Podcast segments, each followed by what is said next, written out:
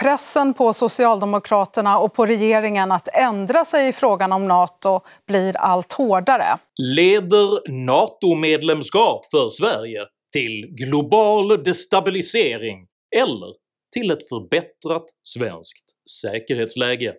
Meningarna går isär beroende på om man frågar säkerhetsexperter eller socialdemokratiska Olof Palme-nostalgiker. Jag heter Henrik Jönsson och jag är en oberoende libertariansk entreprenör och samhällsdebattör. Varför är NATO-motståndet så starkt inom socialdemokratin? Hur ser argumenten mot ett svenskt NATO-medlemskap egentligen ut? Och på vilka grunder avgör just nu en liten liten klick socialdemokratiska Olof Palme-nostalgiker Sveriges säkerhetspolitiska framtid? Dessa frågor tar jag upp i veckans video om Sverige och NATO. Uppskattar du mina filmer så hjälper du mig att kunna fortsätta göra dem om du stöttar mig via något av betalningsalternativen här ute till vänster. Det är endast tack vare ert generösa stöd som jag kan fortsätta att producera aktuella nya videokrönikor varenda vecka, så ett stort STORT tack till alla de av er som bidrar. Är du ny här på kanalen så kan du dessutom med fördel prenumerera här nedanför. Se även till att klicka på den där alliansfria klockikonen, men skriv framförallt upp dig på mitt kostnadsfria veckobrev som finns länkat i videons beskrivning, så missar du garanterat aldrig när jag släpper nya filmer, vilket jag gör av strategiska skäl varenda lördagsmorgon klockan 08.00 svensk tid. Idag pratar jag om neutralitet, nostalgi och NATO. Häng med!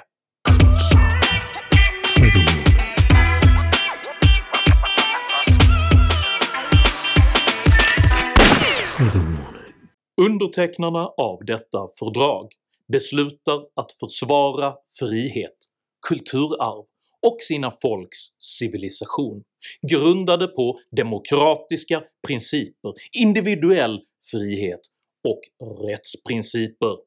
Med dessa ord sammanfattade den nybildade Nordatlantiska fördragsorganisationen NATO de värden som förenade dess medlemmar. Organisationen grundades den 24 augusti 1949 som en reaktion på det kommunistiska Sovjetunionens tilltagande auktoritarianism med uppgift att försvara medlemsländerna från den typ av militära angrepp man hade bevittnat under det andra världskriget. Sverige, som varit neutralt under andra världskriget, valde till skillnad från både Danmark och Norge att inte ansluta sig till NATO, och har ända sedan dess valt att förfäkta fristående så kallad alliansfrihet istället för försvarsgemenskap. Detta är ett budskap som även underströks i Magdalena Anderssons regeringsförklaring så sent som den 30 november 2021. Den militära alliansfriheten tjänar vårt land väl och bidrar till stabilitet och säkerhet i norra Europa. Sverige ska inte söka medlemskap i NATO. Under normala förhållanden vore en utfästelse av denna typ närmast slentrianmässig socialdemokratisk retorik, men i samband med Rysslands angrepp på Ukraina ändrades läget fullständigt. Rysslands plötsliga anfallskrig mot ett demokratiskt europeiskt land återaktualiserade det kalla krigets säkerhetshot och har fått Sveriges grannland Finland att mycket mycket snabbt röra sig mot ett NATO-medlemskap. I den finska politiska debatten så hörs mest NATO-positiva röster. Finlands nya säkerhetspolitiska inriktning rapporterades av Sveriges Televisions Agenda den 10 april utifrån ett tydligt socialdemokratiskt perspektiv och formulerades i negativa termer som att “överge alliansfrihet” och “dialog”.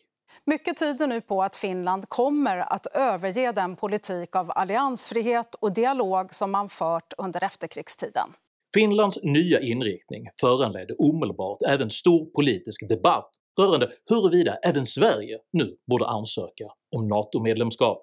Regeringen bemötte dock inledningsvis dessa frågor med kalla handen under förevändningen att ett svenskt NATO-medlemskap skulle destabilisera Europa.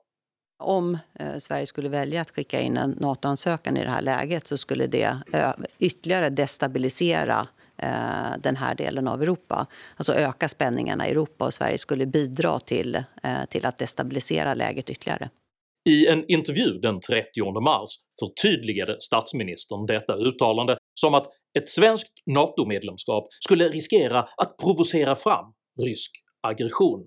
Vad menade du när du sa att eh, Sverige skulle bidra till att destabilisera läget i vår del av Europa om vi ansöker om NATO-medlemskap nu? Eh, det jag syftade på är naturligtvis att Ryssland har ju destabiliserat läget i vårt närområde eh, under en längre tid, men inte minst nu med, med invasionen av Ukraina. Men det var inte Ryssland du nämnde, utan det var Sverige. Och att Sverige skulle bidra till att destabilisera vår del av Europa. Står du fast vid det? Att om vi söker om NATO-medlemskap så bidrar vi till det?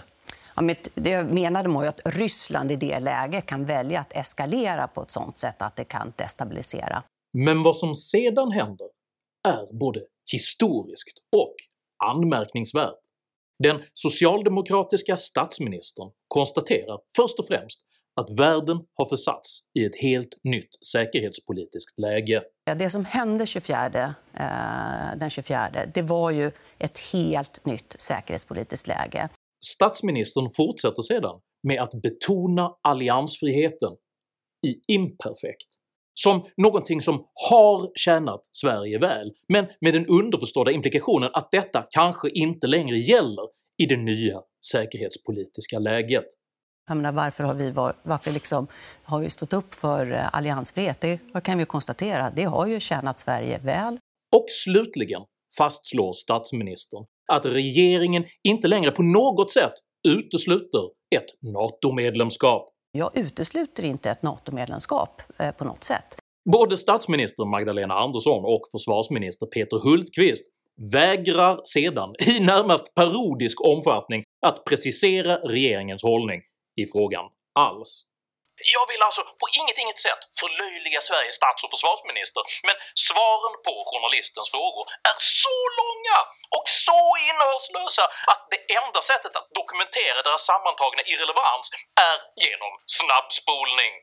Skulle Sverige ha varit tryggare i det här läget om vi hade varit med i NATO?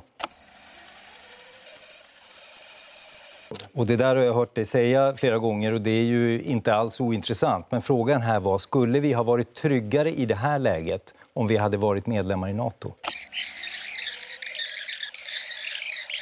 Jag känner inte riktigt att jag får svar på den där frågan. Nej, I, det här, I det här läget som vi nu ja. befinner oss i, hade vi varit tryggare då om vi hade varit med i Nato? Ja. Med, med all respekt, vi kommer till de resonemangen. Hade vi idag varit en NATO-medlem då hade vi varit mer skyddade av NATO-paraplyet så att säga, än, än vad vi är nu. Ja, vad är måste, din uppfattning ja, om det? Min uppfattning är denna. Men hade risken för en invasion av Sverige varit mindre om vi hade varit NATO-medlemmar? Och vilken var din uppfattning då ja, linjen, i, i, i linjen, frågan om vi hade varit tryggare ja, i Nato? Ja, linjen är... På den där frågan där får jag liksom inget riktigt svar. Rysslands attack på Ukraina, eh, har det påverkat din syn på ett svenskt NATO-medlemskap? Jag tycker att det är viktigt att säga Här var det mer dina slutsatser jag undrade över. Så var frågan om det har påverkat din syn på eh, svenskt NATO-medlemskap. Men jag undrar över eh, Sveriges statsministers bedömning. så att säga. Jag, jag hittar inte riktigt något svar där. Jag förstår, men vad är din bedömning idag? Frågan, vad, eh, vad talar för att vi är säkrare utanför? Den uppenbara konflikten mellan försvaret av alliansfriheten, betoningen av det nya säkerhetspolitiska läget och den kompakta oviljan att egentligen säga någonting alls har dock varken med NATO eller Sveriges säkerhetssituation att göra. utan speglar ytterst socialdemokratins egen självbild.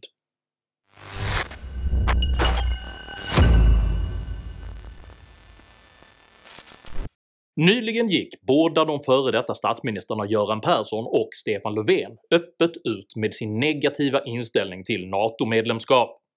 Och tidigare socialdemokratiska statsministrar och utrikesministrar manar till besinning.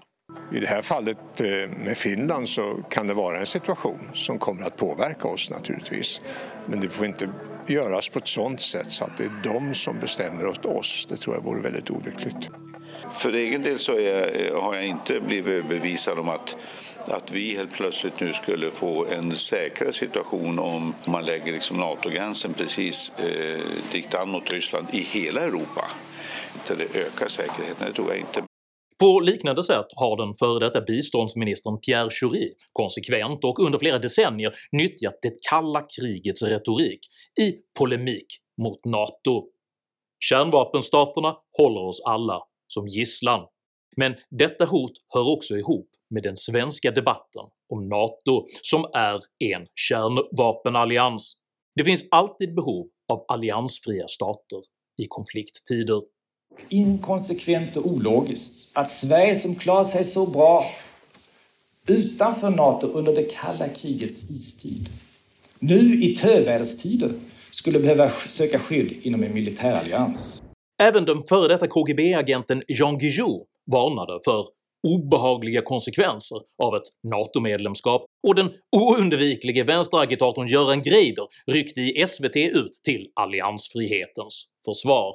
Jag är motståndare till NATO-medlemskap men framförallt är jag för den här idén med alliansfrihet som jag menar är större än frågan vad är bäst för Sverige? För det är den frågan som hela tiden ställs, vad är bäst för Sverige? Jag menar att i alliansfriheten så fanns en tanke att eh, något i den positionen var bra för omvärlden också. Det vill säga, det är lättare att eh, bekämpa kärnvapen. Vad jag saknar är röster från ledande socialdemokrater som faktiskt vågar peka på fördelarna med alliansfrihet. Den statsvetarmärkte S-profilen Ulf Bjäreld sammanfattade nyligen på sin blogg kärnan till allt detta motstånd. För många aktiva socialdemokrater förknippas den militära alliansfriheten med Sveriges mer än 200 år långa period av fred, med den aktiva utrikespolitiken och med Olof Palme. Inget uttrycker socialdemokratins självbild tydligare än det nostalgiska åkallandet av just Olof Palme som en form av moralisk deus ex machina Palme förkroppsligar nämligen för partianhängare socialdemokratins absoluta höjdpunkt både etiskt, politiskt och relevansmässigt. Socialdemokratin uppfattar sig nämligen utgöra realpolitikens pragmatiska centrum, där de bästa idéerna från både vänster och höger, öst och väst, planekonomi och marknad förenas och syntetiseras till den unika och utopiska vision som kallas “den svenska modellen”. Således uppfattade socialdemokratin NATO som ett ensidigt, imperialistiskt och kapitalistiskt projekt, en bild som man delade med Warszawapaktens öststater. Faktum är att Olof Palme i samband med ett besök i det totalitärt kommunistiska DDR höll ett middagstal mot NATO som sedermera publicerades i den SEP-kontrollerade kommunistiska propagandatidskriften Neues Deutschland. DDRs socialistiska enhetsparti publicerade även löpande ideologisk propaganda som utmålade just NATO som socialismens huvudfiende, vars försvarspolitik ansågs utgöra ett korståg mot socialismen. Dessa rötter, vilka av socialdemokratin alltså inte uppfattas som extremistiska utan som balanserade, förklarar argumentationen om balans, buffertstater och konfliktdeeskalering genom försiktig lyhördhet även gentemot ryska intressen.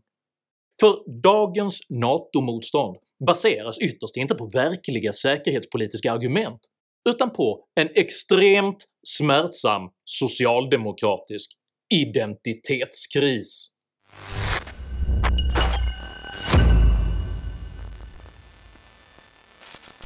Vladimir Putins brottsliga angreppskrig mot Ukraina har nu smulat sönder alla argument mot NATO.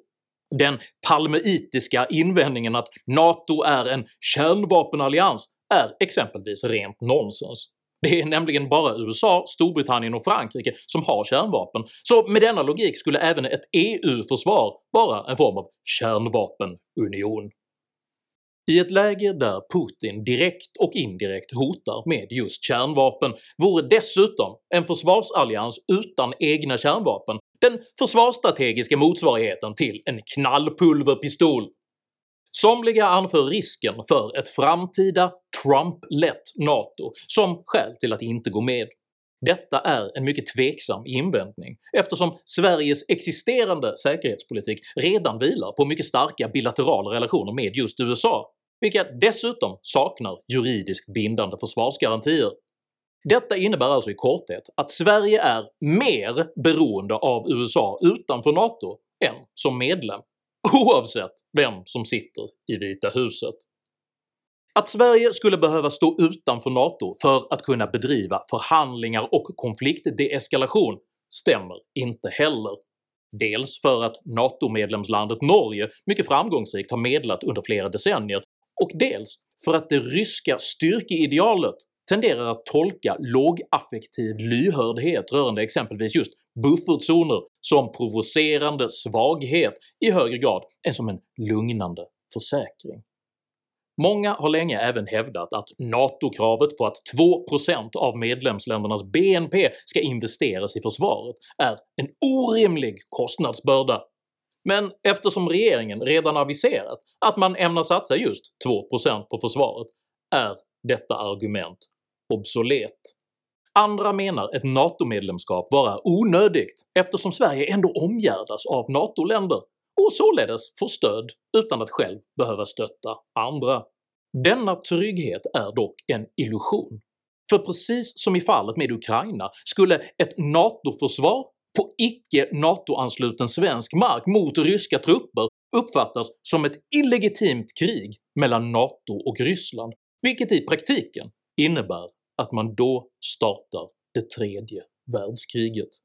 Vid ett finskt NATO-medlemskap kommer dessutom Gotland att bli ett strategiskt betydelsefullt område för ryska intressen, och Sveriges alliansfria förmåga att förhandla mot auktoritära ryska militärintressen är i stort sett obefintlig. Rörande farhågorna att själva ansökningsprocessen skulle kunna leda till rysk aggression har NATOs generalsekreterare Jens Stoltenberg återkommande understrukit att en svensk och finsk medlemsansökan kan behandlas mycket mycket snabbt samt att man kommer att implementera skyddslösningar under själva ansökningsprocessen. Så kan inte jag säga nøyaktig hur lång tid det vill ta, men det kan gå raskt om dere vill. Om Sverige och Finland vill. Eh, och jag är också trygg på att vi då ska kunna finna måter att hantera eh, den situationen på, men utöver det så tror jag att jag ska gå in på akkurat hur vi ska hantera det. Sammanfattningsvis kan man alltså konstatera det existerar inga trovärdiga argument mot ett svenskt NATO-medlemskap. Så vad hindrar då egentligen regeringen från att fatta detta viktiga beslut rörande rikets säkerhet?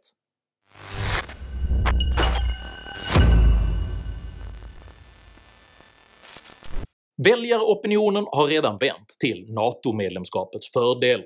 Enligt opinionsundersökningsföretaget Novus ställer sig hela 66% av svenskarna positiva till ett svenskt NATO-medlemskap om Finland ansluter sig, något som nu även speglas i riksdagen. Men dagens besked innebar då att Socialdemokraterna och Sverigedemokraterna är lite osäkra på vilken block man ska landa i. Efter att även Sverigedemokraterna nu börjat förorda ett svenskt NATO-medlemskap är alltså riksdagsmajoriteten för att Sverige ska ansluta till försvarsalliansen. Flera ledande socialdemokrater anser det dock nu krävas en så kallad kvalificerad riksdagsmajoritet på minst 75% för att ett beslut om NATO ska kunna fattas, vilket i praktiken ger socialdemokraterna vetorätt rörande NATO-medlemskapet. Varför ska en minoritet som inte vill gå med ha rätt att fatta det beslutet om inte en majoritet mm. har rätt att fatta det andra beslutet? Och vad säger du då, Peter Hultqvist?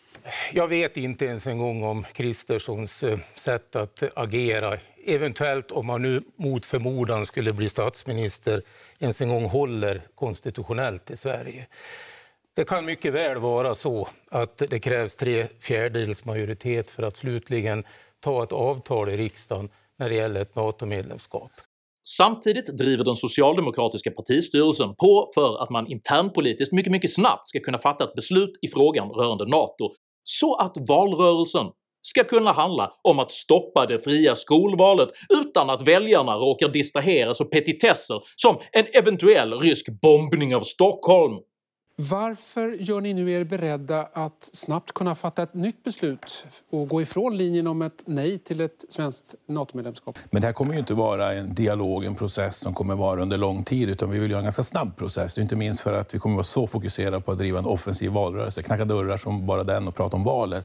Argumentet som partisekreterare Tobias Bodin framför är alltså att regeringen ämnar hasta undan Sveriges största säkerhetspolitiska beslut i modern tid för att socialdemokraterna ska kunna fokusera på att knacka dörr. Bodin har förvisso rätt så tillvida att det är bråttom, men detta beror på att Putin-regimen har gjort hela den svenska regeringens säkerhetspolitik obsolet. Sveriges bilaterala lappverk av säkerhetsavtal måste nu ställas mot det faktum att allianslösa länder kan behandlas precis som Ukraina. Oförmågan att ta det säkerhetspolitiska läget på allvar och istället bekymra sig över att NATO-frågan eventuellt inkräktar på den socialdemokratiska reklambyråns kampanjplanering är direkt skrämmande och vittnar om en politisk omognad som gränsar till landsförräderi. Faktum är att inte bara valet utan hela Sverige riskerar att vara helt ovidkommande begrepp om vårt land inte är förmöget att nu göra det som krävs för att försvara rikets säkerhet. Eh, du sa här mm. tidigare att det här ska vara klart, ni ska hinna klacka dörr och valrörelsen. Mm. Men det här är ett jättestort beslut för Sverige att eventuellt ansluta till NATO som, som ni har sagt ja. nej till under lång tid. Varför måste det här ske så snabbt nu? Ja, men det är ju det för att eh, inte minst vill vi komma igång med vår valrörelse. Därför drar vi igång det här nu. Bodin menar alltså att det bästa för rikets säkerhet är ett mycket, mycket snabbt internpolitiskt beslut med socialdemokratisk vetorätt så att Annika Strandhäll får gott om tid att sedan åka runt i landet och lova mer pengar till människor som inte arbetar. Om Finland ansluter till NATO står Sverige ensamt med ett nedmonterat försvar som inte ens kan återuppbyggas på grund av regeringens egen idealistiska klimatpolitik. Frågan alla svenskar nu bör ställa sig är “Är det verkligen en rimlig ordning att Sveriges kanske historiskt viktigaste beslut ska avgöras av en internpolitisk socialdemokratisk minoritet av ideologiskt motiverade Olof Palme-nostalgiker? Tycker du att rikets säkerhet är viktigare än socialdemokraternas valkampanj?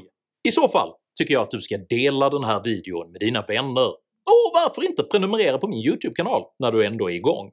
Har du egna erfarenheter av säkerhetshot och socialdemokratisk egenmäktighet? Dela i så fall gärna med dig av dina upplevelser i kommentarsfältet här nedanför.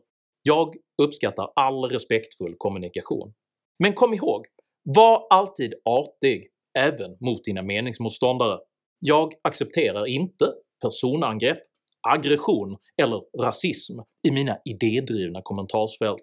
Tack för att du som kommenterar respekterar detta. Jag heter Henrik Jönsson och jag anser att Sverige bör ansöka om medlemskap i NATO nu. Tack för mig och tack för att ni har lyssnat.